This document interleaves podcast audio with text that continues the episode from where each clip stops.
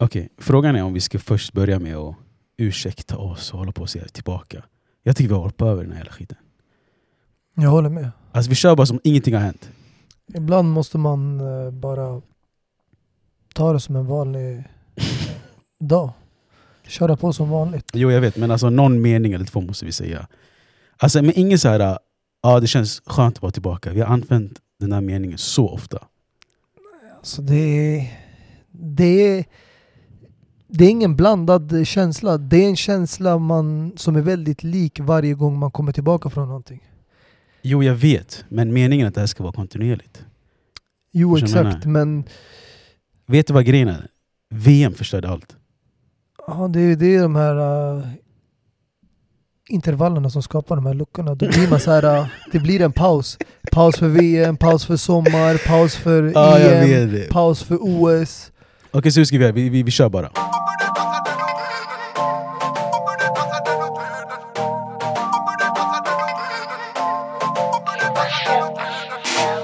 Varmt välkomna till ett nytt avsnitt av Avbytarbänken. Vi snackar boll där vi någorlunda har koll. Det är torsdag den 9 februari, klockan är 19.47. Allt är som vanligt och allt som är som det ska. Um, välkommen till podden Mustafa TV.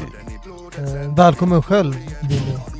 Eh, du är också välkommen här lika mycket som jag. Tack. Hur känns det att vara här?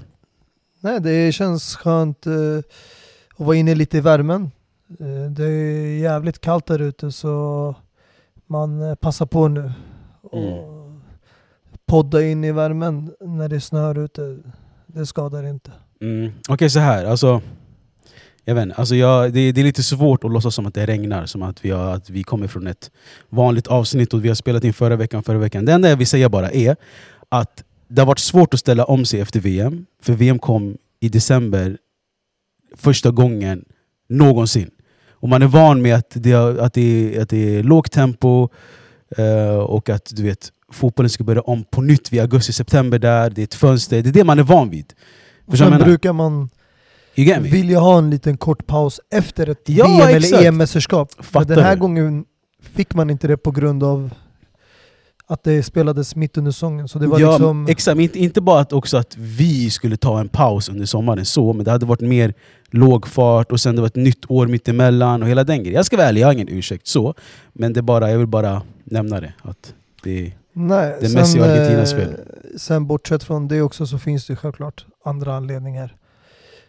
Många får ju fullt upp eh, med jobbet och så, du vet innan årsskiftet, eh, när folk tar ledigt och sen även fast man har ledigt så är det mycket planering där under de här röda dagarna. mm. Man eh, blir självupptagen med andra saker och på det så har man ju haft semester också. Mm. Och när man tar semester då tar man inte bara semester från jobbet. Det blir semester från podden också tyvärr. Mm, exakt, vilket inte egentligen ska vara fallet. Men det är vad det är lite. Men det är skönt att vi, vi spelar in idag i alla fall. Eh, och jag vet inte, man kan ljuga och säga att man väntade in en sån här, eh, alltså att januari ändå är en, det är en filler månad. Förstår du vad jag menar? Det är, en, det är mellan december och februari ändå allt händer. Förstår du vad jag menar? Januari-fönstret, nu är fönstret stängt och nu öppnar vi dörrarna till podden. You get me? Exakt. Jättedålig ursäkt men vi får köra på den ändå. Nej jag tycker det är bra, annars kanske vi hade hamnat mitt i hela smeten. Så att man Exakt. avvaktar lite, väntar Exakt. tills du vet, allting har bara lagt sig. Precis så. Och nu har vi alla pusselbitar där på plats. Precis så. Så här då. ehm, vi brukar inte ofta eh, ha ett upplägg på vad vi ska köra, men jag tycker vi, jag vet inte, vi kan prova på att eh, ha ett... Vilka tre ämnen vi vill köra idag. Det är självklart Cityfusket, januari-transfern, summera den lite, och eh, inför Champions League som spelas nu nästa vecka under alla hjärtans dag, 14 och 15. Så om ni eh, är ett par som ska fira så får ni fira max till 21, för då Mm. börjar The Champions. Ja, jag tycker vi kör på det som ligger längst uppe i grytan i smeten där. Det är det som har precis lagt sig och det är korruptionen som alla pratar om. Mm. Och det är inte bara City utan vi har haft de senaste veckorna flera incidenter radade. Ja, Men bland annat ja, toppklubbarna City och Juventus. mm, exakt. Eh, och det sistnämnda City är mest aktuellt, så jag tycker vi kör pang på bara. Alltså så här, jag eh, ska inte säga att jag är jätte påläst så. Jag väl bara kollat, knackat på ytan, försökt break the ice lite så. Men vad jag vet under nio år, mellan säsongen 28 till eh, 2019, Mm någonstans där. Alltså under nio år eh, har, det, mm, har de blivit eh, liksom investigerade City. Och de har gått emot 100, över 100 regler, regelbrott har de breakat. Um, och däribland, du vet, fiffel med pengar. Eh, Roberto Mancini som var liksom tränare då, fick ju eh, lön utbetalad, fast sen fick han lön utbetalad från någon annan Abu Dhabi företag och så vidare. Så det har varit mycket grejer, bland annat också att eh, de har signat spe underåriga spelare, vilket de inte får. Och eh, Det snackas om poängavdrag, det snackas om att de ska strippas på sina titlar. och Det, det är mycket grejer. Och det, det har inte kommit ut allt ännu. City har ju själv också anlitat en, eh, en av landets bästa advokater och han heter ju Lord Panic. Bara det namnet alltså. Lord Panic. Och det är samma advokat som faktiskt anlitades för att, jag vet inte om du minns när, under coronahärvan när eh, Boris Johnson var ute och firade loss under du vet all, eh, vad heter det? Jag har till och med glömt bort de här termerna. Pandemin. Ja, men när allt var nedstängt, konstruk, vad fan heter det när man skulle följa När det var lockdown. Ja, när man följde, i alla fall lockdown i alla fall. Under lockdown, Boris Johnson var ute och festade och hela den grejen. Man såg bilder på hans rufsiga hår och skjortan uppknäppt i naveln. Så han Mm. anlitade den här, eh, vad säger jag, lawyern som City anlitar, Lord Panic, för att han skulle lösa det här. Så man märker ju, det är, det är en stor, stor eh, advokat så. Så jag tänker så här, eh, från en shuno som håller på ett fusklag, eh, Chelsea, jag tänker, jag vet inte, du vet, jag vet inte vart den där eh, anklagelsen kommer ifrån. men det var, det, var, det var en bra övergång, men kom igen, Chelsea har också blivit tagna för fusk, låt oss ärliga. Nej, det har de inte. Alltså, Aha, så, så ni fick inte värva på två säsonger bara för så när Lampard kom? Det var en halv säsong, men eh, det där var ju för att eh, man eh, skrev kontrakt utan egentligen spelarens vårdnadshavare för att när de är under 18 så får de inte skriva på eh, professionellt kontrakt. Och det gällde en gammal spelare, Gal Kakuta bland annat. Och då hände det att eh, han skrev på redan när han var 16-17 tror jag. Men han ville ju själv skriva på, det var ingenting man tvingade på.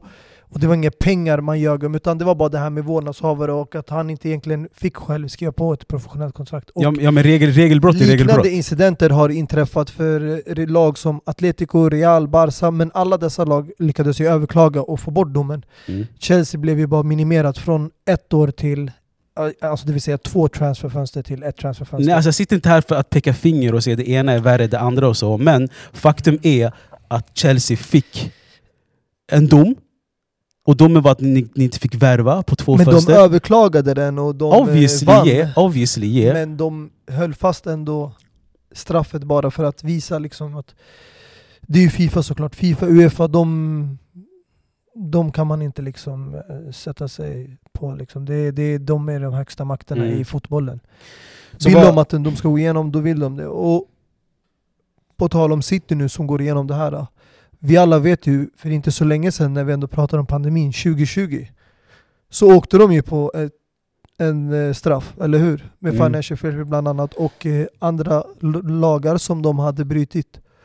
Och då gick det ut om att de skulle bli Exakt. Det var ute i Europa. från Champions League. Två säsonger skulle de inte spela säsong. i Europaspel. Men gick det hem? De överklagade och vann. Exakt. Ja. För att om du vill få Uefa och Fifa på din sida, då finns det sätt. Chelsea gör inte de sätten. Chelsea är ärliga. Gå, Alltså så här, jag, alltså jag tycker ändå någon gång, även, alltså så här.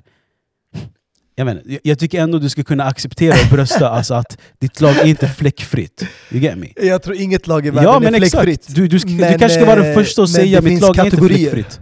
Ja, det, Det där är inte sånt självklart. fusk. Det där är mer alltså, ja, mänskligt misstag, man gör det. Men eh, som sagt, när spelaren och allt annat är med, det känns inte som att det är fel. Moraliskt. Okej så här. Jag, jag, jag, jag vet att det är, det är, det är, du har muren uppe när man snackar om Chelsea, så jag, ska- jag ska inte försöka snacka om det här i tre kvart och försöka ta ner den här muren. Men om vi ska eh, eh, fokusera på en annan nyans av blå, eh, Mm. det ljusblåa, Manchester City. Vad, vad, vad är tankarna? Vad är, kom det som en chock när det först kom och hela den grejen? Alltså i början kom det som en chock för att man har alltid varit misstänksam när det kommer till Citys värvningar, hur de opererar och hela deras verksamhet, hur den är uppbyggd. För att i början kunde man förstå att det gick att slussa in pengar på det sättet. Och eh, bland annat, de gjorde ju en stor sponsor genom deras egna arena när Mm. de ändrade namn till Etihad. Så man vet vart pengarna kom ifrån. Men eh, när strukturen av Financial Fair Play sattes upp som inte skulle vara bara för Uefa Europa utan det skulle också vara anknutet till ligaspel och sånt. Att man skulle följa vissa regler. Det fanns en riktlinje. Då förväntar man sig att de här ska börja anpassa sig Mm, mm. efter de nya reglerna som finns. Men värvningarna har ju bara fortsatt mer eller mindre. Eh, speciellt efter Guardiola blev Mm. tränare och tog över i Man City så har vi sett världsrekordvärvningar från Citys håll Mm, när det mm. kommer till deras egna värvningar och historia. Men det är ingenting som har kommit upp till ytan förutom straffet de fick i eh, Champions League förut, både de och PSG. När Mm. båda åkte på en dom, de fick böter var mellan 30 till 50 miljoner. Mm. Och sen blev de avdragna spelare. Istället för 25 så fick de bara 20 eller 21 spelare. Så Mm. de fick färre spelare i truppen under Champions League-spelet. Men eh, det kom som en chock att eh, de har brutit över 100 regler. Det Mm. låter osannolikt Mm. att det är så många. Och Men- sen att det, jag vet att det har hänt över en så lång period, i nio år. Exakt, under nio 2017, säsonger har de här 18. hundra delats upp. Hundra Å reglerna. andra sidan, det här är min teori efter bland annat Guardiolas uttal. Han gick ut och sa att om klubben ljuger för mig så kommer jag lämna. Mm. Det sa han för typ två år sedan väl? Exakt. Och den här utredningen har pågått nu senaste fyra åren. Tills de kom fram till den här domen. Mm. Och jag tänker så här, om de har påbörjat en utredning så måste City, deras ägare och styrelse ha kännedom om vad som pågår. Att klubben är ute, alltså under utredning och det kan komma att de behöver gå i rätten och framföra bevis. Och I hela det här äh, röran så måste Guardiola ha varit medveten om vad som händer lite grann bakom kulisserna. Men det det kan var- inte ha varit så tyst Mm. och jag tror ändå att han är en sån ägare som gillar att ha en väldigt öppen dialog med ägaren. Eller han, alltså som tränare och manager. Så de måste ändå ha sagt till honom, eller varnat honom att klubben håller på att utredas på grund av det där. Och ändå sagt kanske uppriktigt mot honom och varit ärliga, men vi har inte gjort någonting. Det är på grund av vissa incidenter och vi kommer ta det här till rätten om det går så långt. För att om de nu ljuger för honom så kommer han lämna. Men jag tror att han har fått information om vad som hänt löpande under de här senaste åren. Så att de inte har hållit honom i mörkret. Och därav så känner jag att det finns en ärlighet och jag tror likt överklagandet av den andra domen att de blev utslängda eller de skulle bli utslängda och inte få delta i Champions League två år. Vet du vad det sägs nu? Mm. Om det här stämmer, anklagelserna, Mm. över 100 bott och det går igenom. Det innebär att City kan bli nedgraderade hela vägen till femte divisionen i England. Mm. Men vi alla vet, låter det troligt? Alltså Låter här- det sannolikt? Alltså här, ehm, vad tänkte jag på? Jo. För det första, ingenting kommer hända tills säsongen är slut. Det är nummer ett. City kommer inte få poängavdrag redan den här säsongen så som Juventus fick för tre fyra veckor sedan. Eller vad det, var. det är nummer ett. För de ska hålla på och överklaga och Mm. mycket Det kommer pappersarbete. bli, alltså och det, det här vi pratar om, inte månader utan år av rättegång. Exakt. Och, och så här. ehm, om nu poängavdrag ska ske, ska det väl ske de säsongerna de har fuskat? Vilket skulle innebära att... Nej. Så här, så här, alltså Så nu, nu, nej, nej, nej, så här, nej så här, så här, jag bara målar upp en bild nu. Jag säger inte att jag håller med om det. Om, alltså en logisk så här, som de försöker måla upp eller någonting. Men om poängavdrag skulle dras, om poäng skulle dras, skulle det vara under säsongen de hade fuskat. Vilket kan innebära att eh, de hade inte vunnit titeln 2011, 2012. Agüero, hela den grejen, målskillnaden. De skulle ta ifrån dem alla titlar. Ja, exakt, det är det jag menar. Liverpool hade vunnit en titel, men det påverkar ju andra lag i, i tabellen också. Alltså jag menar, Everton och Newcastle kanske hade spelat Champions League då. Förstår du vad jag menar? Så det påverkar inte bara de som ligger tvåa. Eh, samtidigt, jag tror inte Guardiola är helt oblivious. Jag tror inte han är helt, du vet, att han har vad säger man? Att, det är, att, han, att han har sitt eh, liksom, mjöl rent, eller vad fan man säger. Jag tror dock Mancini visste lite mer och var lite mer smutsig i det här. För han fick ju lön från två olika sidor och så. Jag tror i alla fall de är med i, i själva grejen så att de är, är medvetna. Men jag har svårt att tro att Guardiola vill riskera sin karriär för att City kör ett fult spel. Alltså det är inte nödvändigtvis att Mancini kände till det här. För att grejen var så här. De hade sagt till Mancini en lön. Mm. Som han får också. Mm. Bara att sen att hur det utbetalningen sker, det kan ske på två olika sätt. Mm. Att de betalar honom en viss summa här och här, men så länge han får sina pengar, han är glad. Men när de redovisade sen, Mm. så har de visat, redovisat en lägre lön. Mm. Så det betyder att en del av den här lönen som de har kommit överens med honom, som de ger honom, den mellanskillnaden betalade de genom ett Mm. annat håll. Mm. Men han kanske inte vet om att de har suttit och redovisat på papper till FA Premier League att det här är hans lön och ljugit om den. Jag tror inte tränaren kanske går upp kollar Nej. upp informationen stämmer det vad de har redovisat. Nej, så här. Alltså, jag ska, alltså, det ska inte ske någon missförstånd här. Jag säger inte att båda tränarna är med på fusket. Nej men du tänker Jag- att han jag- jag hade mer bara- kännedom? Alltså, jag tror bara att de, de, de förstår väl att det är någonting fuffens på gång. Förstår du vad jag menar? Mm. Alltså, men jag- jag, jag men tror- jag tror inte att man kan blamea dem så heller. Att de har, är Men liksom sen ett, vet man ju inte om de här anklagelserna stämmer. Nej, alltså, Alltså, det kan ju aldrig. visa sig att det är, allt det här är falskt och sen om de vinner domen, överklagelsen, då försvinner allt det här och det blir bortglömt som eh, incidenten 2020. Jag Ja, säger bara, men det här alltså, är väldigt likt, det är bara att nu pratar vi om nationellt, inom England, Premier League, FA. Tidigare var det Uefa, men jag tror som sagt personligen att Guardiola har en aning om vad som hänt. De har haft en öppen dialog, men de verkar självsäkra på att de kommer vinna Mm, liksom det här i rättegången. Och eh, om det blir en anklagelse så kommer de överklaga det.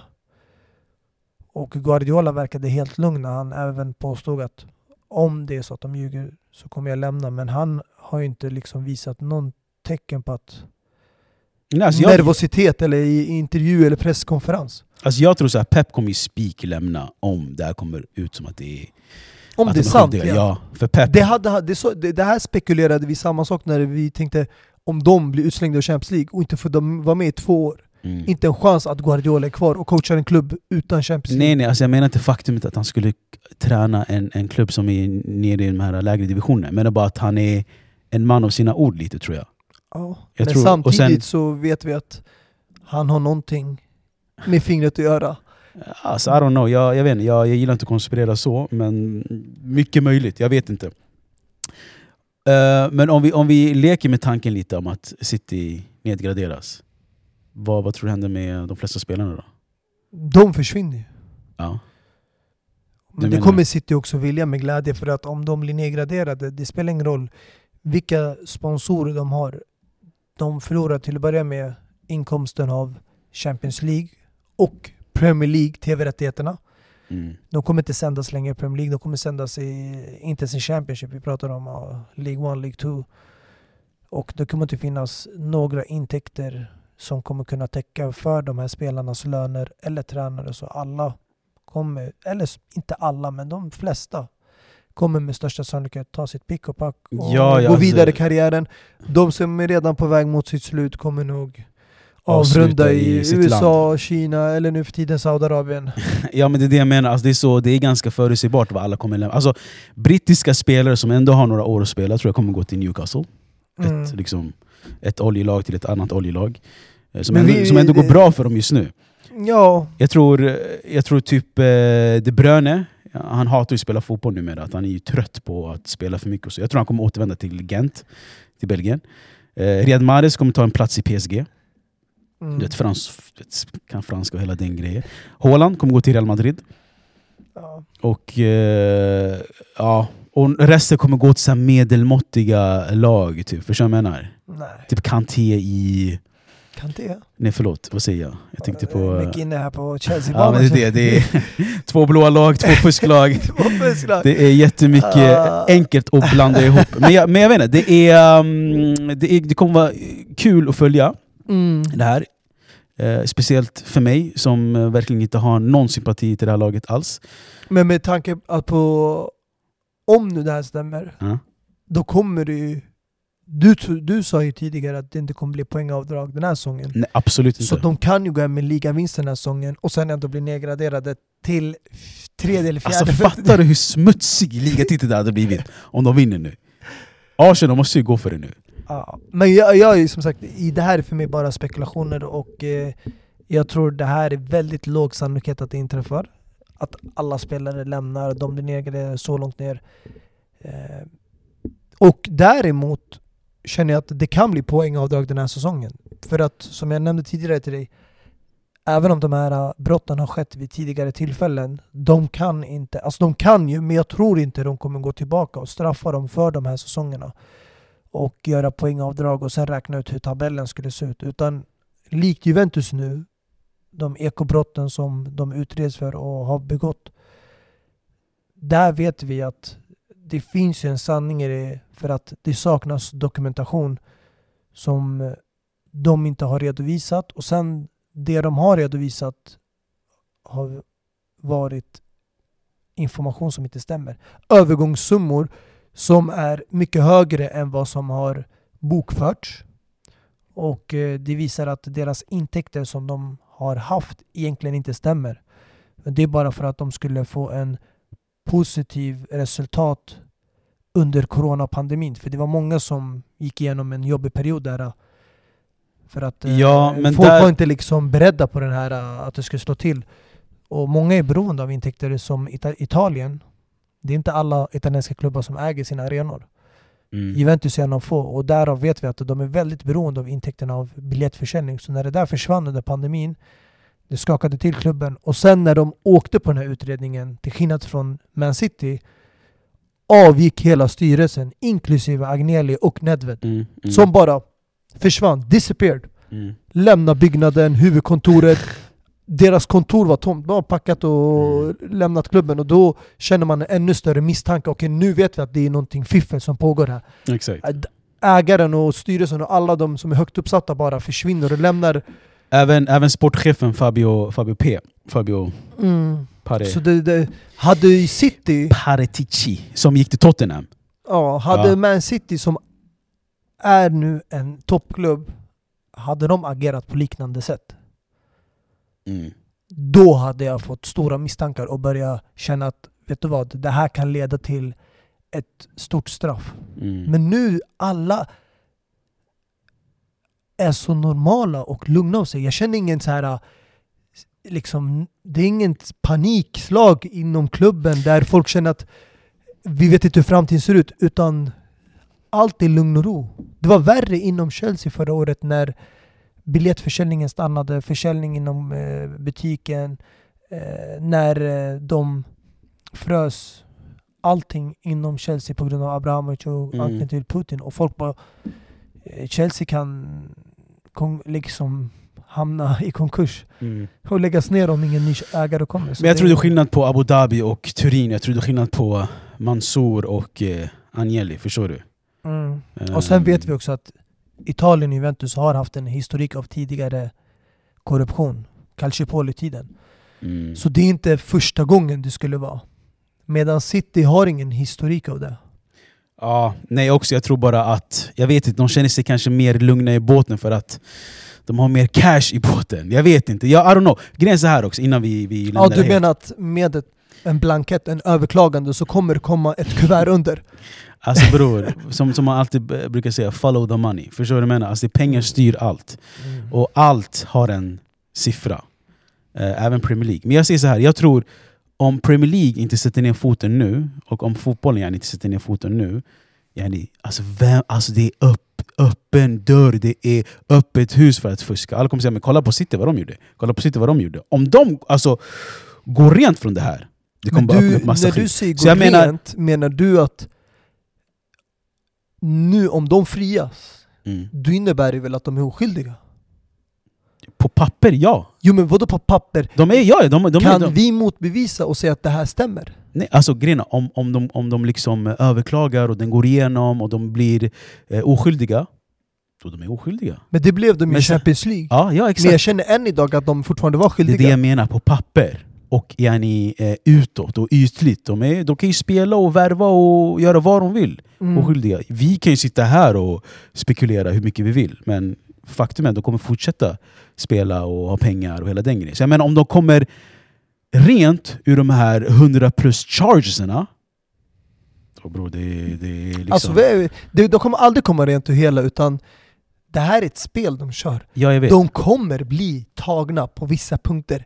De kommer ju det brösta vissa kommer- grejer. De kommer exakt. säga här, ta de här, ta de här. Exakt. Så länge vi får vara med i högsta ligan och i Europa, Exakt. ja vad fan ni Och vill det med här oss. kommer leda kanske till något stort, mm, inte stort straff men ett mildare straff där man får en böter, en stor fet alltså, klumpsumma på liknande de blev straffade ur Champions League och sen det kanske blir poängavdrag Mm. som mest skulle jag säga men att de blir nedgraderade till en lägre division, nej.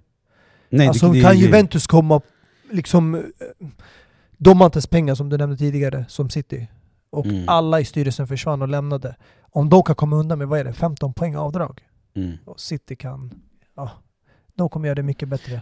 jag, jag tror bara man har gjort en stor grej av det här och bara pratar om ja, fyra års utredning har pågått och det är över hundra brott som har begåtts, över, eller ja, regler som de har brutit. Nej, alltså, ja, alltså, de har ju dopat massa siffror 100%. Det är, det är mycket skit ja, som ja, har men hänt. straffet kommer vara mycket, mycket mindre än vad Ja, det som pratas om. Också i kombination med att Premier League är rädd för att förlora pengar. City är en, en stor del Mm. Exakt. av intäkterna Och sen ligan. vet du inte, han kanske tar med sig kusinen eh, Newcastle och lämnar Premier League om de... Kusinen va? Ah, du vet. Ja, Det, det finns kopplingar där. Ja det, det, det, gör det säkert. Men det är ju storebrorsan, den där killen. The big bro. Ah. 100%. Alltså, Alltså han, han måste ju ha motiverat Newcastle-truppen, att de spelar så här bra. Han måste ha kommit in bara, "Där- så här ser er lön nästa säsong om ni hamnar i Champions League. nej, alltså, jag, jag vill också minnas att redan, redan 2018 när vi började den här podden att jag praisade Eddie Howe. Eddie Howe är en otrolig tränare. nej nej, alltså, du kan garva hur mycket du vill, men Jo Eddie men vi Howe... alla vet att det här är första fasen av Newcastle. Alla spelare du ser i Newcastle idag, inklusive tränare, kommer inte existera om tre år. Det här kommer plundras. Det kommer Mm. rensas, det kommer renoveras, det kommer göras om. Man kommer, ja, det kommer bli en konstruktion av den här klubben. Men jag säger bara att han har kommit in som ägare och ändå lyckats motivera tränare och spelare till att göra så bra ifrån sig med det de har idag. Det är otroligt. Mm. Ja, alltså, det är fattar du? sjukt hur, pengar kan motivera, motivera folk Ja men, faktiskt. ja men fattar du till exempel att de värvade Chris Wood som sin stora värvning i början? Mm. Ja, vad var det, 25 mil eller 30 mille? Och sen är han nu ute på lån i Nottingham Forest. Ja. Och folk säger ju också, ja jag vet, jag har hört de här diskussionerna, folk säger att Alexander Isak kommer vara max en bänkspelare när de väl kommer splash the cash. Men alltså, det är ändå otroligt att de ligger så bra till i ligan som de gör just nu. Ja.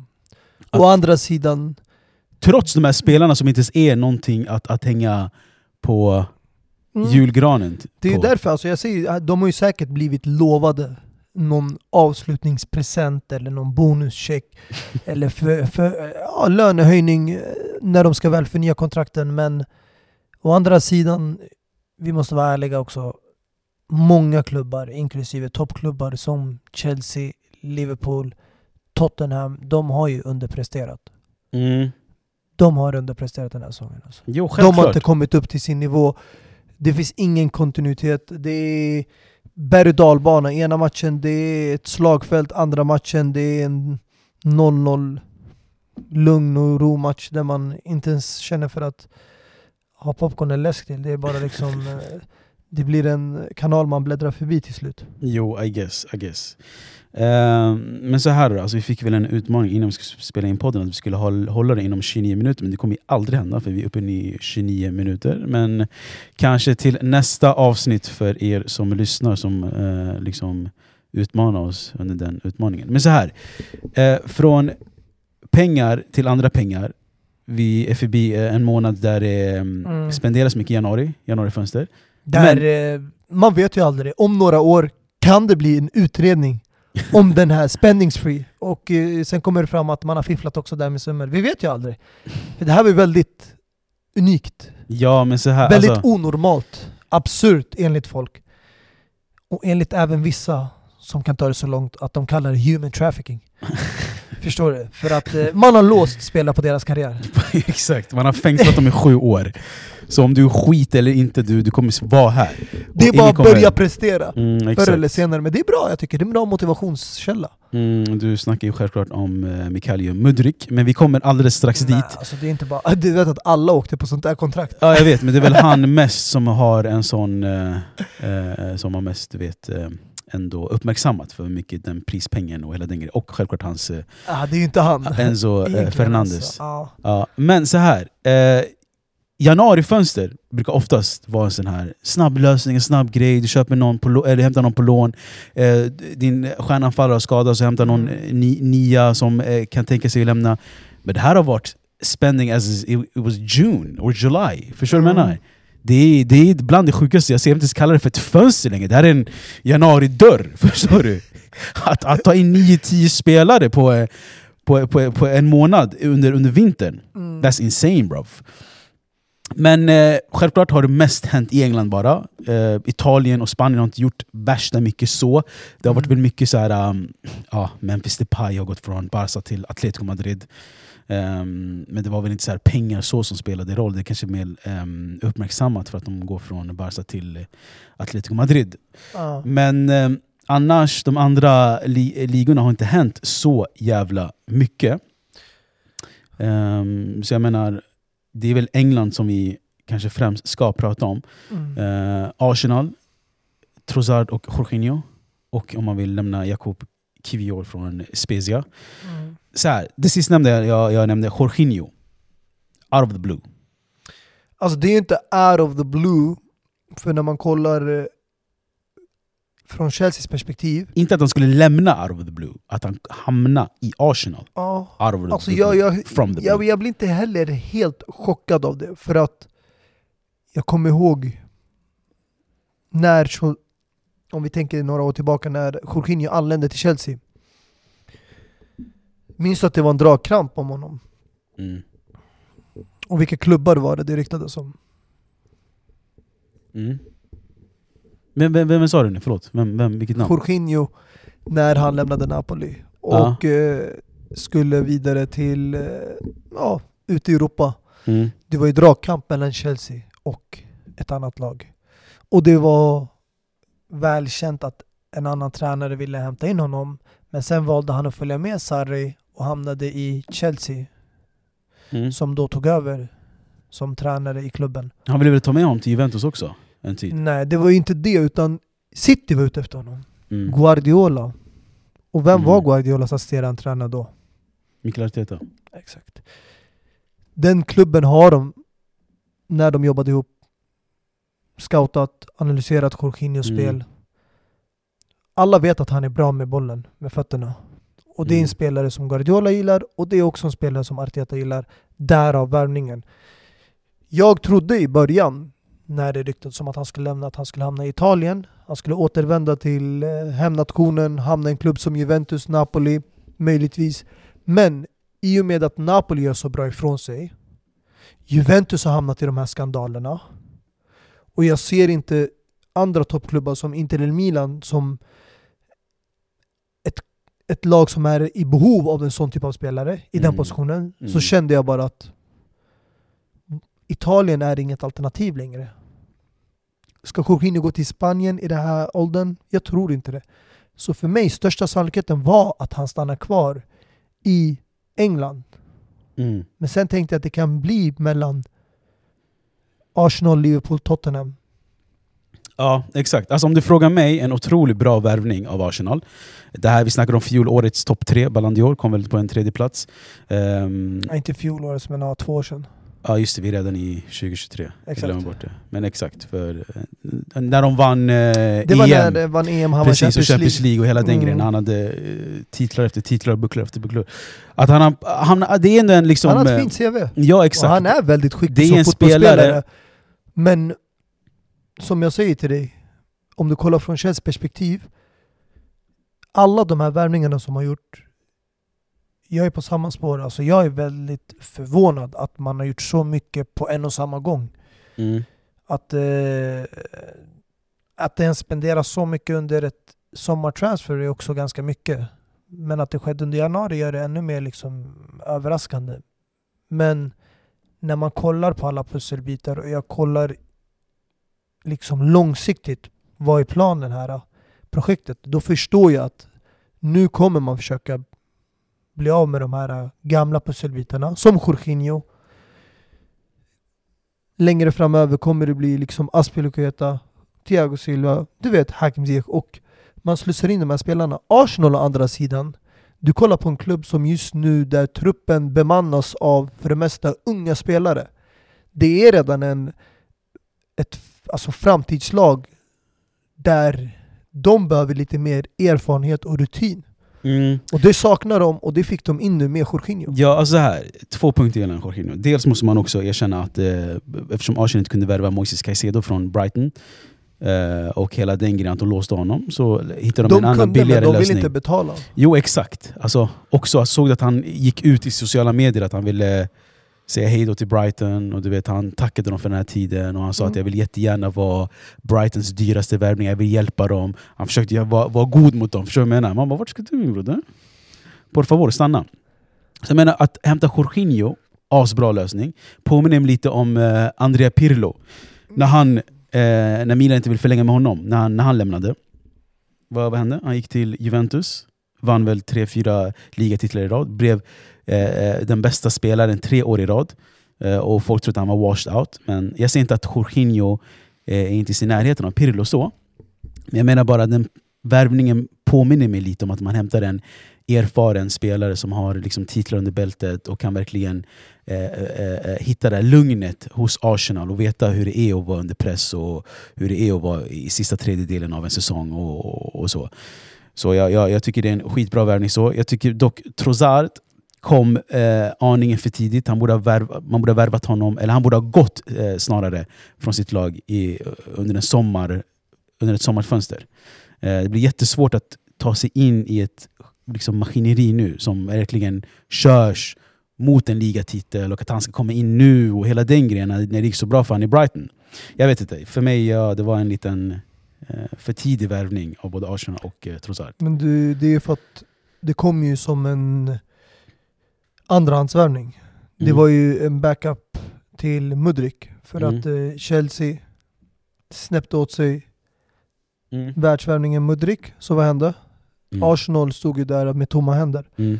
De behövde få in en spelare i, i liknande position och Tossard var den bästa lösningen från dem. Jag tycker att det var en bra värvning. Att det kom vid ett kanske Mm, jag skulle inte säga dåligt eller olämpligt tillfälle att det är januari.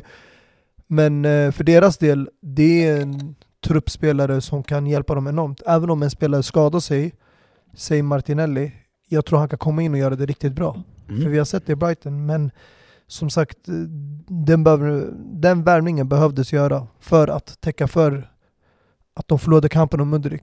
Mm. Och Men sen, alltså, grejen, eh, alltså, jag känner till historien när en bra spelare kommer, och han är stjärna i sitt lag, kommer till ett mycket bättre lag och ska försöka platsa in där. Han blir bara en, en av få. Och Mm. att f- ha den inställningen redan samma månad, att du bara för två veckor sedan hade på dig blåvita tröjor, nu ska du ha på dig rödvita tröjor och Mm. spela i, i, i ett lag som spelar toppen av ligan. Jag tror det blir en svår inställning och en svår eh, eh, liksom, omställning för eh, em, eh, Leandro Trossard. Ja, Men- definitivt. How, ja, however, låt oss eh, gå vidare lite. Jag vet att jag vill inte fastna för länge i Chelsea, men faktum är det är, det är väl de som har varit mest aktiva Mm. i det här fönstret. De har värvat Enzo Fernandes, eh, Mikhailo Mudryk, Benoit, Badiash- Ba- Badiashil, Badiashil från Mm. Monaco. Fofana, Datro Fofana ja. exakt. Eh, Ivorianen, eller hur? Mm. Eh, Joao Felix på lån, Madueke från PSV och Mayo Gusto. Madueke ja. Ja, exakt. Alltså det ja, att och jag, Mudrik. Man måste jag- ske- särskilja på dem så att de inte blandar upp dem. Madueke och Mudrik. Mm. Jag brukar för övrigt vara bra på uttal, men det här har gått för snabbt för mig att de här spelarna kommit så, Och så Malo på- Gusto. som gick tillbaka på lån i Lyon, eller hur? Ja, Malo Gusto. Så. undrar- Ja, exakt. Alltså och här, André Santos, talangen. ja exakt, från Va- Vasco da Gama. Vi vill inte ens nämna shunon. Så, Det så är här, inget fel med det. Alltså. alltså här, Ja. eftersom vi i England är väl priserna i pund, alltså Enzo Fernandes för 106 miljoner pund, Mm. Mudryk för 88 miljoner pund, och så vidare och så vidare. Det blir bara... Ja, alltså det här är, du kan hitta olika summor överallt, Mm. men det är mer eller mindre rätt. Men det här är också bonusar. Folk pratar ju om summor som att det är självklara eller fasta kostnader. Det här, två tredjedelar eller tre fjärdedelar, är en summa som kommer betalas under en längre period. Eh, det här kommer ju med största sannolikhet ske avbetalning. Det är ju så planen är. Och därav har man skrivit väldigt långa kontrakt. Utan det finns inte en enda av de här värvningarna som har ett kontrakt som är mindre än 2030. Mm, Det är antingen fattar du? 2030 eller 2031. Fattar du? Det är, Förstår det, du? det, det är väl ett sätt också att komma undan eh, yani, de här stora Nej, pengarna men det är inte ett sätt att komma undan. Det, det är. är en planering. Till exempel om jag ska köpa e- ett hus eller en bil. Jag har miljoner på kontot. Men jag får inte redovisa det på, enligt Skatteverket på ett visst sätt att jag lägger ut en klumpsumma Alltså en klumpsumma på direkt för att då kanske det undersöks vart de här pengarna kommer ifrån. Jag kanske köper det på avbetalning Ja. och betalar månadsvis. Det är inget fel med Nej, det. du går ju Pengar- runt själva grejen. Nej nej. Fel eller rätt sa jag inte, men du går ju runt själva grejen. Att låsa en spelare på 7-8 år min broder. Men vadå låsa? Kolla. Nummer ett, låt oss komma överens om en grej. Ingen har tvingat på den här spelaren att skriva på det här kontraktet. När de gör en överenskommelse med agenten så har de sagt klart och tydligt det här kommer vara ett kontrakt på åtta år. Går du inte med på det, ingen har tvingat dig att signera, gå tillbaka till din klubb. Om du känner att du inte vill bli bunden till en klubb i åtta år och du säger vet du vad? Nej, alltså det där är för mycket för att jag kanske vill göra något annat i karriären och gå vidare. Jag vill inte känna mig bunden på det sättet. Många idag, eller inte många, de flesta vi alla vet, skriver fyra eller fem års kontrakt. Mm. Det är det mest vanliga. Sen finns det vissa som är kortsiktiga, de skriver på två eller tre år. Och sen i vissa fall när man skriver på långtidskontrakt så kan man skriva på sex år. Mm. Men det är inte ofta det händer att du skriver på sju, åtta, nio år. Men om det händer så har agenten och spelaren gått med på det. Ja, alltså här, Och nej, alltså, de- jag, alltså, jag, jag köper inte ursäkten att spelaren vet vad han har gett sig in på. Jag köper inte. Det är som att du läser en terms of a condition. Du har accepterat, du skriver på. Du ska veta vad Men som vadå, står de alltid. vet inte antalet år? Så här, jag menar bara att man sätter en ung spelare som drömmer om att spela i en stor klubb, i en stor liga, Ja. i ett dilemma där Hur? man säger att lyssna, det är sju år men du kommer spela i världens bästa eh, liga, du kommer få så här mycket pengar och hela Ja. den grejen. Förstår du vad jag menar? Men efter år två eller år tre, se att han mår dåligt, eller se att han eh, inte presterar och han blir bänkad och du vet hela mentala hälsan går ner och allt möjligt alltså. Jag menar bara, han sitter fast där. Nej. Vem sitter fast? Han kan alltid bli såld. Ja, men tänk om inte folk vill... Tror du en, en, en, en, att Mündry kommer säljas för typ 20-15 mille? Tror, alltså jag menar, Varför skulle han säljas alltså, för den alltså, jag summan? menar, om han inte presterat, hans pris kommer gå Det ner kommer gå ner aktierna, men ner. det går inte ner sådär mycket när du är så ung. När, är- potentialen, alltså när potentialen finns kvar och man vet att man kan fortfarande få ut mycket av en spelare, ditt värde kommer alltid vara högt, dina aktier kommer inte rasa lika fort. Men är du en spelare som är högt upp i åldern och man vet att det här är dina bästa år, bästa dagar och du lyckas inte och du har en, två säsonger där du verkligen ja, underpresterar, då kommer dina aktier sjunka rejält. Obviously, men jag snackar om bror, lön också, som sitter på höga löner. Nej, Och det är de, där du har fel. För att just de här värvningarna, det är det folk höjer ögonbrynen på. Det är nummer ett, summorna som Chelsea har betalat. Det är lite överpris, men varför man har valt att betala de här summorna och få in de här spelarna, mm, det är för att nummer ett, man vet att det är eftertraktade spelare, unga, och de kommer bli ännu dyrare och få ännu större namn ute i Europa om man avvaktar. Vi har sett hur marknaden har utspelat sig tidigare. mm, Även PSV-tränaren och Lyon-tränarna gick ut både och sa att vi hade egentligen velat ha kvar våra spelare och låta dem spela klart säsongen och sen sälja dem. För vi vet med säkerhet, sa de, att deras prislapp hade gått upp en 10-15 miljoner. Hade de kunnat tjäna extra. Men Chelsea gick ut och köpte de här snabbt för att de vet att betalningen kommer ske över ja, en lång sikt, kanske en, två, tre säsonger. I alla fall de här uh, spelarna som är stora, höga summor som Mudrik och Enzo. Resten kan man ju betala direkt förmodligen med den ekonomin. Ja men Enzo, Enzo till exempel, i Mm. kronor, 3 mille i veckan tjänar han. Det är 315 000 pund tjänar, tjänar vi i veckan. Och det... Nej, han kan Jo. omöjligt tjäna 315 000 pund i veckan. Jo. För då är han bättre betald än Kanté. Och det stämmer inte. De här siffrorna Ja, är det, felaktiga. får väl, det, det är väl det jag har läst och det jag har sett. Vet du det, vad det betyder? Att han tjänar 14 miljoner om året. Tjänar han som Lukaku gjorde? Det kan ju Mm. fan inte mig stämma. Ja. Alltså, över de, alltså vad jag har läst, det är över de här vad är det, 8,5 åren han har skrivit på. Eller? 8? Mm, exakt, eh, eftersom han kom i januari så Att han kommer tjäna 140 miljoner pund. Mm. Jag vet inte, det, det, jag menar bara, det jag försöker säga är att ehm, under sådana här långa kontrakt sätter man både spelare och sig själv som lag i, i, i, i svåra situationer. Ja, alltså svår situation kan det bli, men jag tror att om man är en öppen klubb som Chelsea så kommer man alltid hitta lösningar. Okej, så här, om jag ställer raka frågor, för vi vill inte bli för långrandiga heller. Vi är uppe i, i tre kvart, 45 minuter så. Men backar du de här värvningarna?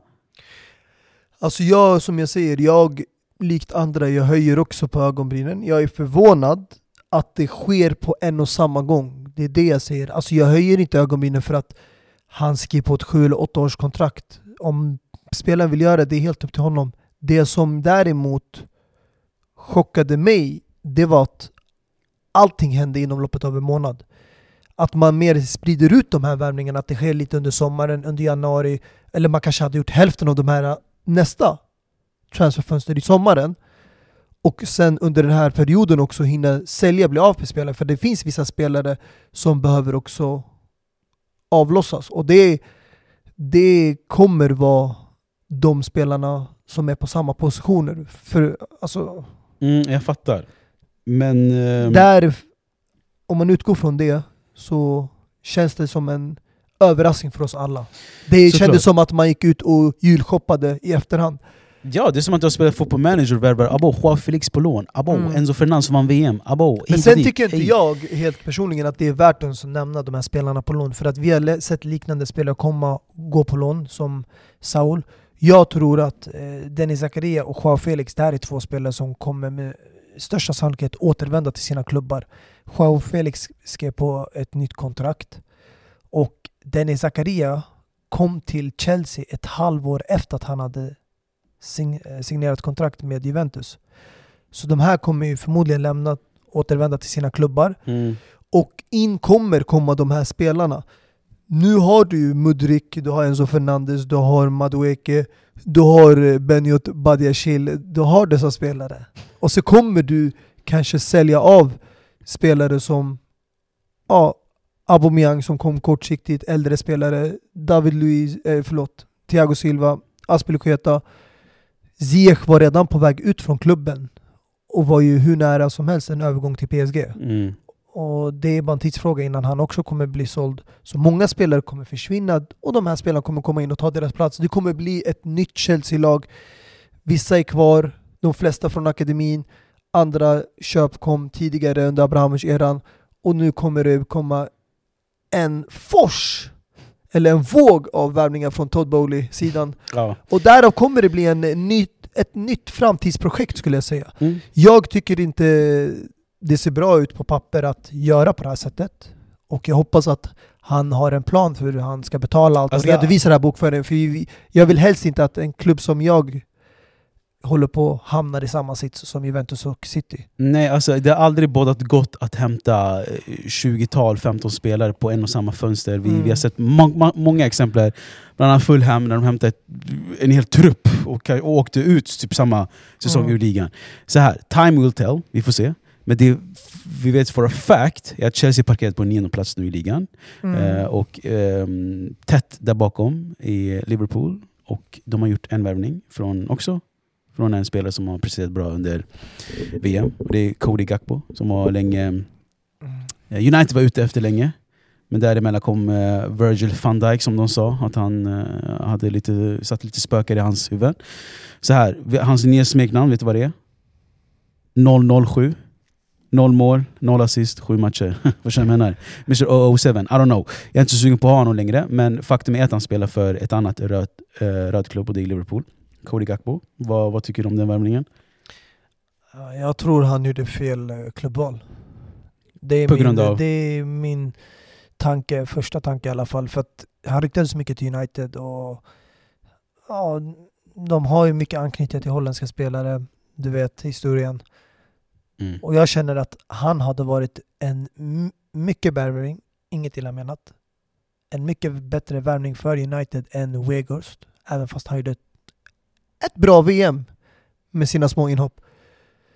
Men eh, Gakpo hade passat bättre i United. Det är vad jag tror. Och hade han värvats in istället för Weghorst så tror jag han hade presterat bättre i det där laget.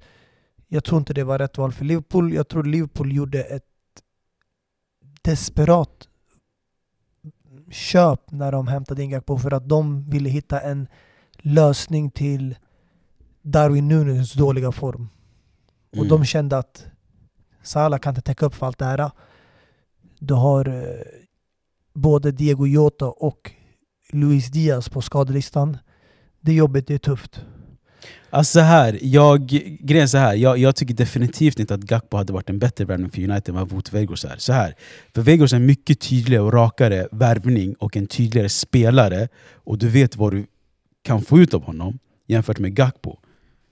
Is he a winger? Is he a striker? Ska han göra dina mål? Ska han springa i kanten åt dig? För Gakpo, det finns många sådana spelare som är väldigt så röriga. Joao Felix är väl också en av dem. Du, kan inte sätta... Liksom, Men det vem är, är han?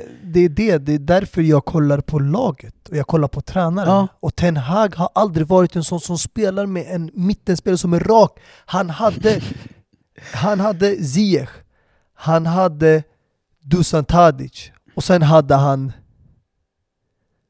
brassen Anthony? Ne Jaha, du menar eh, Neres? Neres. David Neres? Exakt. Mm. Dusan Tadic var aldrig en anfallare. Rak. Han är en kant, han är en offensiv, han är släpande men han fick den rollen. Och jag har märkt att Ten Hag gillade spela Martial i anfallet men sen blev han skadad. Och han hade möjligheten att köra med Ronaldo men satte honom på bänken. Sen blev det en dispyt mellan dem och därav lämnade han för att han ville inte ha den här stora centrala anfallaren. Mm. Weghorst är en bara nödlösning. Det är någonting kortsiktigt och vi alla vet att det är ingen framtid för honom Nej, självklart Men inte. när ni väl hämtar, en, hämtar in sen en central anfallare, jag lovar dig, det kommer inte vara en Harry Kane, det kommer inte vara en Haaland-typ. Du kommer få se det. Ten Hag kommer hämta in en liten variant. En David Villa, en Agüero hade funkat jättebra för Ten Hag. Sån typ av anfallare gillar han. Du menar en sån här dynamisk, du vet, alltså Exakt, som kan så här- röra sig väldigt uh, lätt utanför boxen, komma och möta. Inte den här... Uh, som, Det här huset. Den centrala nian i boxen, ska stångas. Mm. Ja, Nej, alltså grejen är, det är svårt, alltså, när man ser Vegors man tror det här är ett hus bara, han ska bara vara i boxen och nicka och... Men han är, en, han är ändå en ganska teknisk spelare. Alltså, när, du, när du lägger på, bollen på honom, du, du kan få en klack till Bruno Fernandes, förstår du vad jag menar? ja, men, Så jag menar eh, bara så här. jag... Eh, jag vet inte, jag, jag, jag, jag gillar inte för otydliga spelare så. Jag tycker ändå David Villa, du nämnde honom, han var en ganska tydlig spelare på så sätt. Mm. Även om han kunde spela flera olika positioner, men det var en tydlig spelare. Han var, du visste vad du kunde få ut av honom. Även Luis Suarez yani, otydlig kanske på plan vart du kan spela honom, men han är en väldigt tydlig spelare. Du vet vad du får ut av honom. Cody Gakpo, I don't know. Vi får se, det är ändå jättesvårt att bedöma spelare efter, efter bara 7-8 matcher.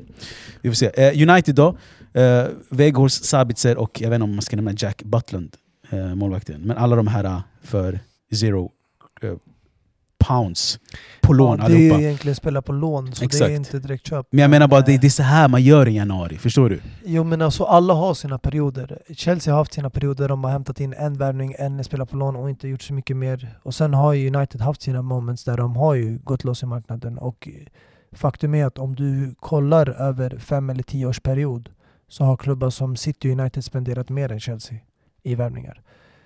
Ja.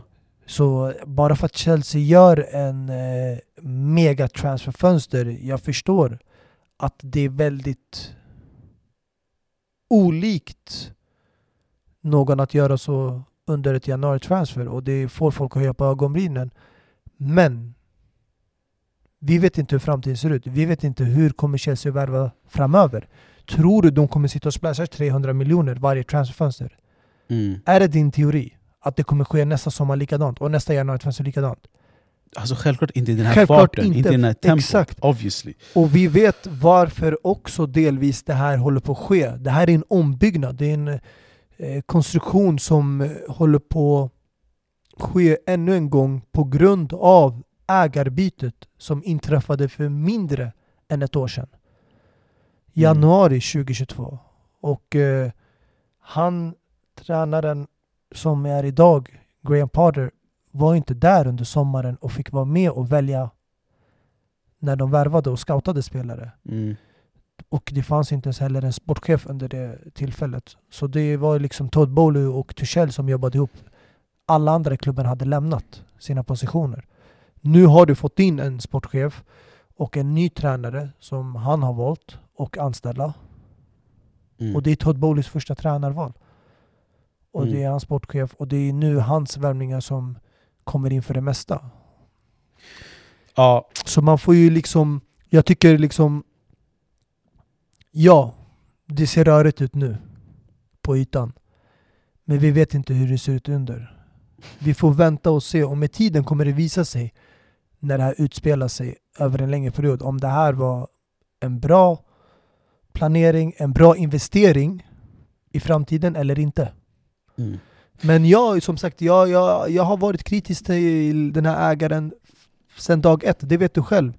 Från eh, vissa val där man inte väljer att samarbeta med folk inom klubben till eh, att sparka tränaren och till hur länge man väntade med att hämta in vissa värvningar spelare där man inte liksom var villig att kompromissa, hitta en lösning och sen kommer liksom den här vågen av värvningar. Så det är ingenting som heller chockerar mig sådär jättemycket. Jag känner att den här ägaren kan göra vad som helst. Alltså det, Mm. jag vet inte längre om han är amerikan eller oljeshejk. Förstår du? Det, det är så pass att... eh, Ja, nej, vi får, vi får helt enkelt eh, följa, vi kommer alltid liksom, eh, få nya uppdateringar och, och, hela den grejen. Men faktum är att United vet det, eh, gav bort också one of the GOATs som Premier League någonsin har sett, Cristiano Ronaldo som lämnade till Saudiarabien. As we speak så fick jag flash från att han nu gjort fyra, han har varit fyra målskytt på 61 minuter eh, nu i Saudiarabien. As we speak så håller de och spelar Mm. Al Nassr.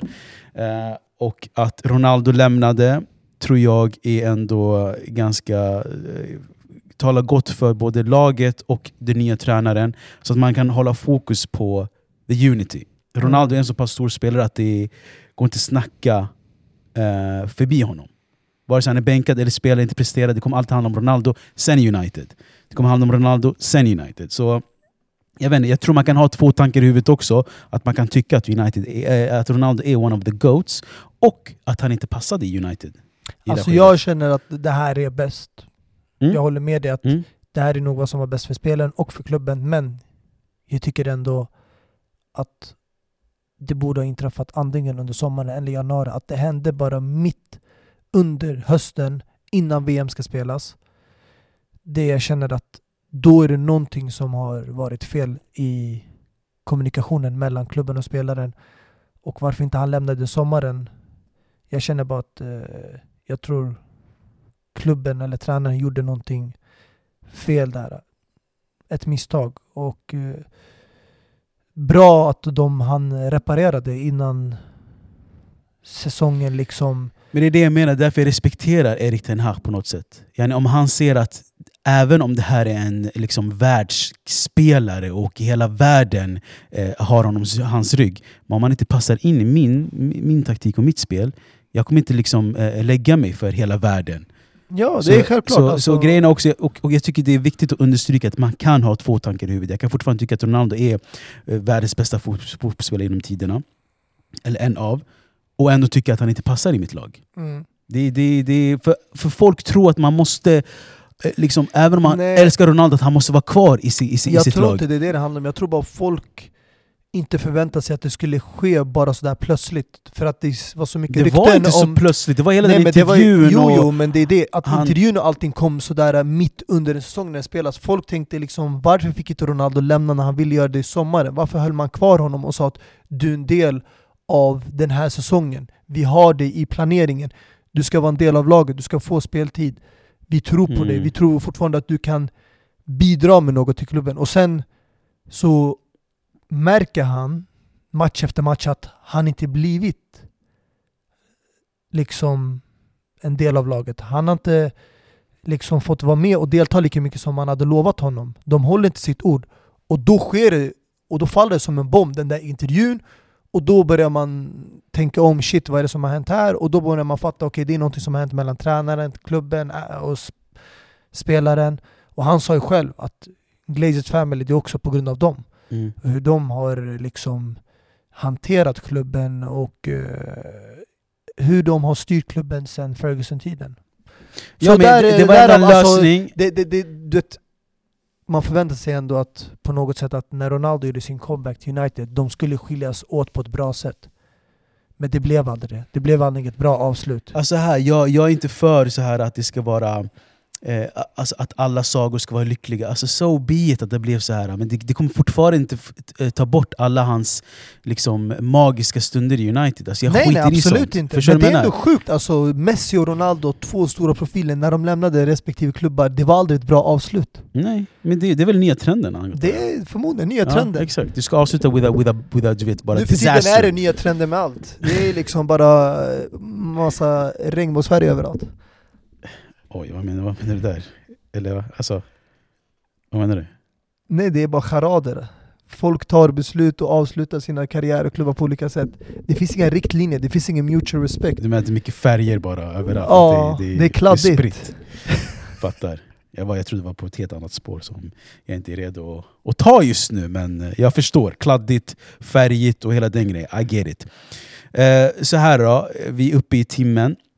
Jag vill ju också kort snacka om Nottingham Forest som gjort 30 värvningar. Därav Keylor Navas som jag tycker är en otrolig, en av mina favoritmålvakter alltså, de senaste 10 åren. Alltså. Mm. Så mycket folk har sovit på honom. Hans match som han gjorde nu mot Southampton tror jag det var. Eller något sånt där. De vann matchen i alla fall. Det, var, det fanns en compilation på två och en halv minut. Alla hans räddningar och alla hans du vet, aktioner. Alltså, han är en otrolig målvakt fortfarande. Fattar inte varför ingen stor klubb som behöver en målvakt inte har värvat Keylor Navas. Men att de har gjort över 30 värvningar kanske vi kan ta någon gång under säsongen. Eh, men faktum är att Champions League stundar eh, redan nästa vecka. Det är väl ehm, den 14 tisdag och 15 på onsdag. Men 14 på tisdag, alltså eh, Valentine's Day, är väl de hetaste matcherna. Du har AC Milan, Tottenham Hotspur och PSG Bayern München. Och på onsdag har du Dortmund-Chelsea och Club Brugge Benfica. However, de matcherna kommer inte kollas på. Vet du varför? Samtidigt så spelas Arsenal Man City 2030. Så Champions League får pausas på onsdag, för det är bara fyra skitlag som spelar. Och all eyes in eh, London, Mm. Emirates Stadium. Ja, det, det beror på vad man prioriterar som sagt. Jag förstår ju liksom Klart fans... som fan eh, man, man Förlåt prioriterar... att jag sa fans, jag menar inte neutrala fans. Jag menar inte Champions League-fans. Jag, jag, jag ville säga, jag förstår Europa League-fans. Att de har andra prioriterar och just på onsdagen kan agendan vara en ängelsmatch för att man känner att det kan vara en uppladdning inför torsdagsmatcherna som ska spelas. Vad fan, skärp dig. Det är klart som fan man kollar på Men det är inget fel med det.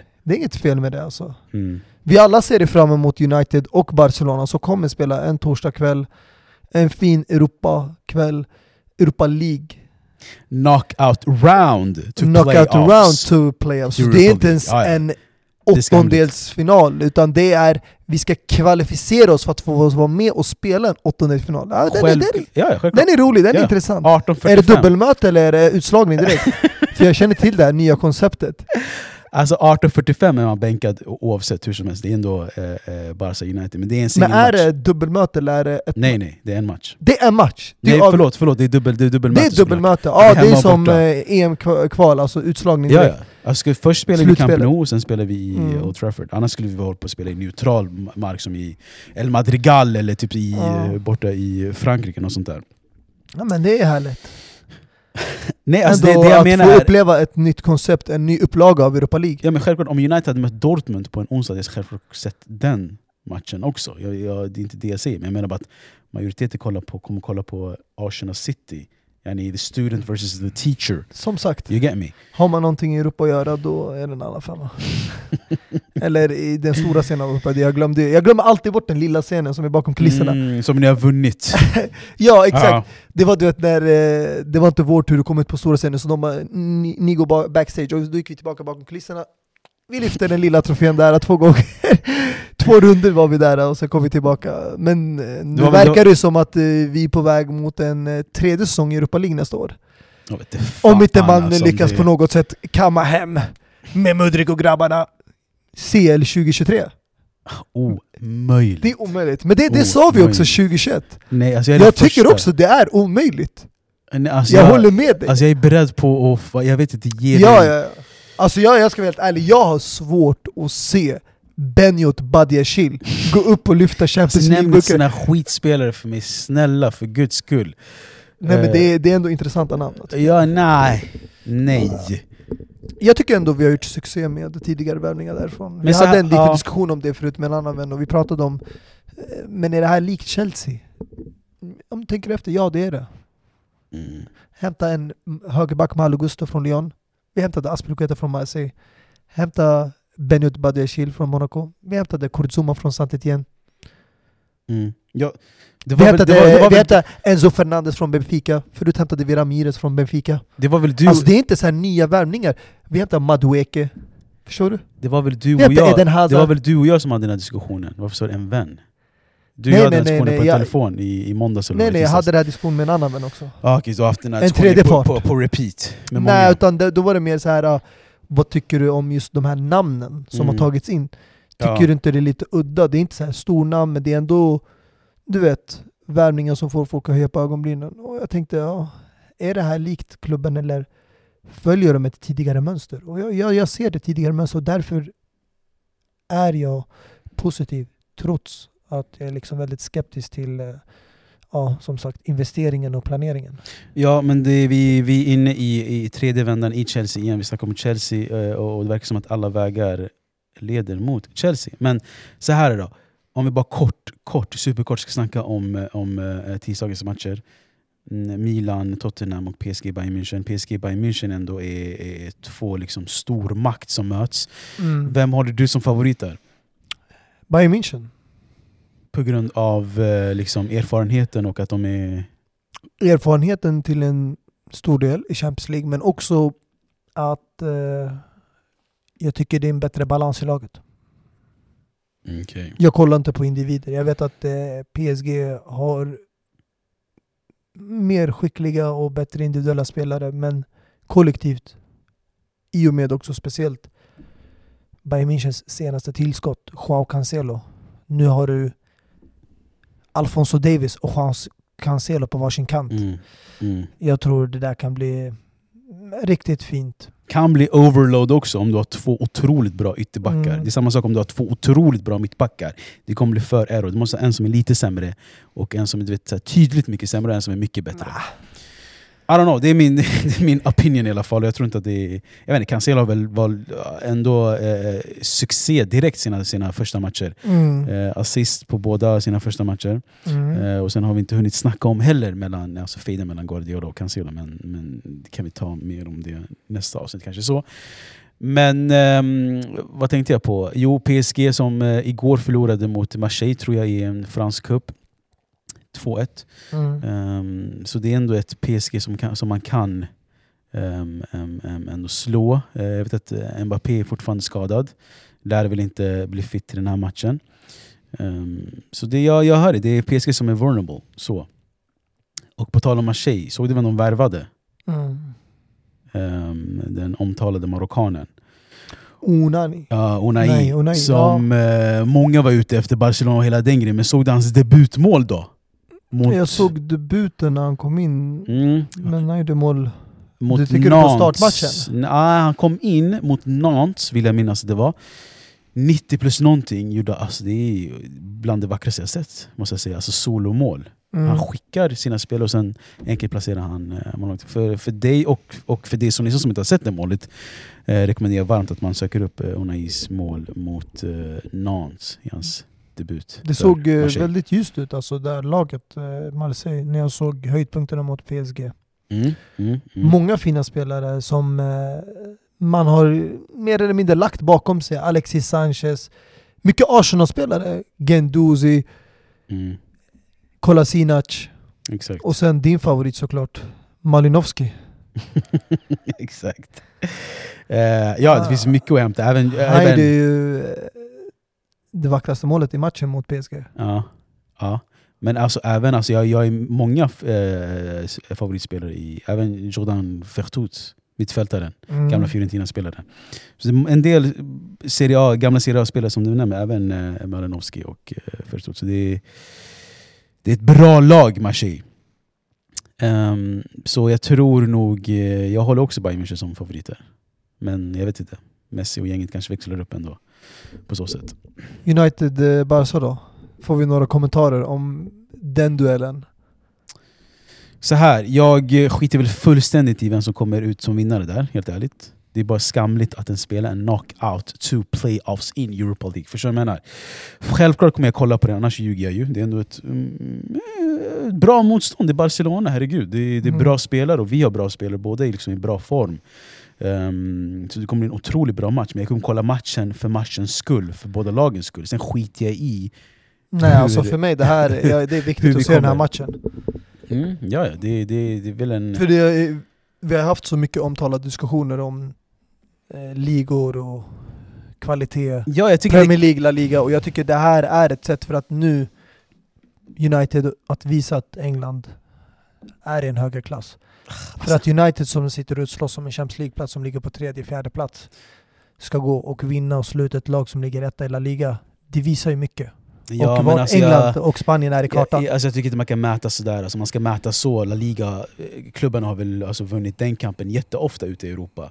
I Europa Eh, ja, men alltså så jag det, menar, om man ska jämföra så, vem som är bäst i liga så är väl La Liga bättre Nej men jag tänker mer på placeringen i tabellen. Ja, exakt. Alltså, det Alltså, för- visar hur motståndarna i resterande ligan är. Håller med dig 100%. Uh, exakt, så jag, jag tror inte eh, så att Barcelona hade legat etta så enkelt i Premier League. kan man också ha en diskussion kring. Och jag vet inte heller om... Eh, för mig är det att United får en rejäl... Vad säger man? Ett rejält motstånd. Och verkligen, vi får, vi får testas lite.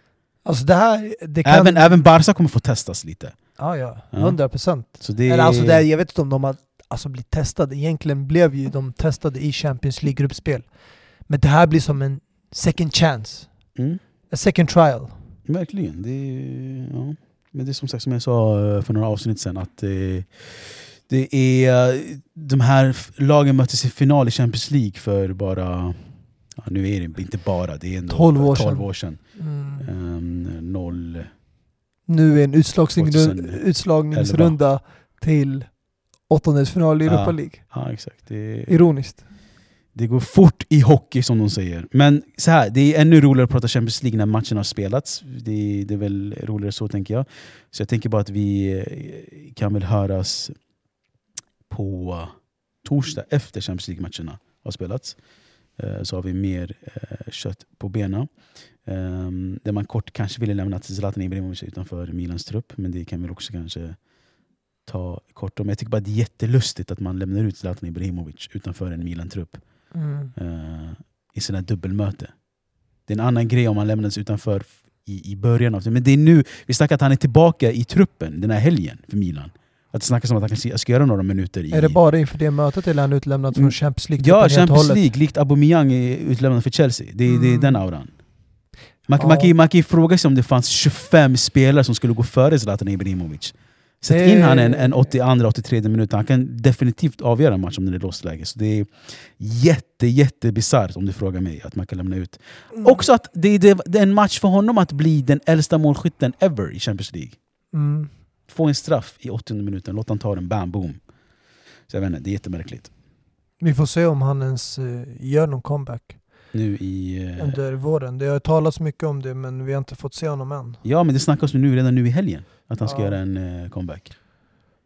Ehm, Men de har väl någon anledning till varför han inte är med i Champions League. ehm, Jag tror inte han hade gått med på de kraven. jag vet inte, jag har inte sett eller läst om anledningarna. Men vi får väl se om han gör några minuter mot eh, Torino är det väl de möter. Ja, det, det ska bli intressant att känner- se honom igen. Och om vi känner italienska lagen bra, om de har en Champions League-match redan på tisdag, vilket betyder att de spelar sina matcher på en Fredag. fredagkväll. Exakt. Exakt. De har inte den... Du vet, De behöver en extra dag vila helt enkelt. staminan som de andra lagen i andra Mm. ligor har. Så där då, ska vi ta och avrunda det här torsdagsavsnittet då? Ja, det var dags. Mm. Känner att eh, behöver lite frisk luft nu. Det blev för varmt här. Ja, 29 minuter my ass säger jag bara. eh, med det sagt då, vi hörs någon gång nästa vecka. Det är vi. Ciao. Ciao.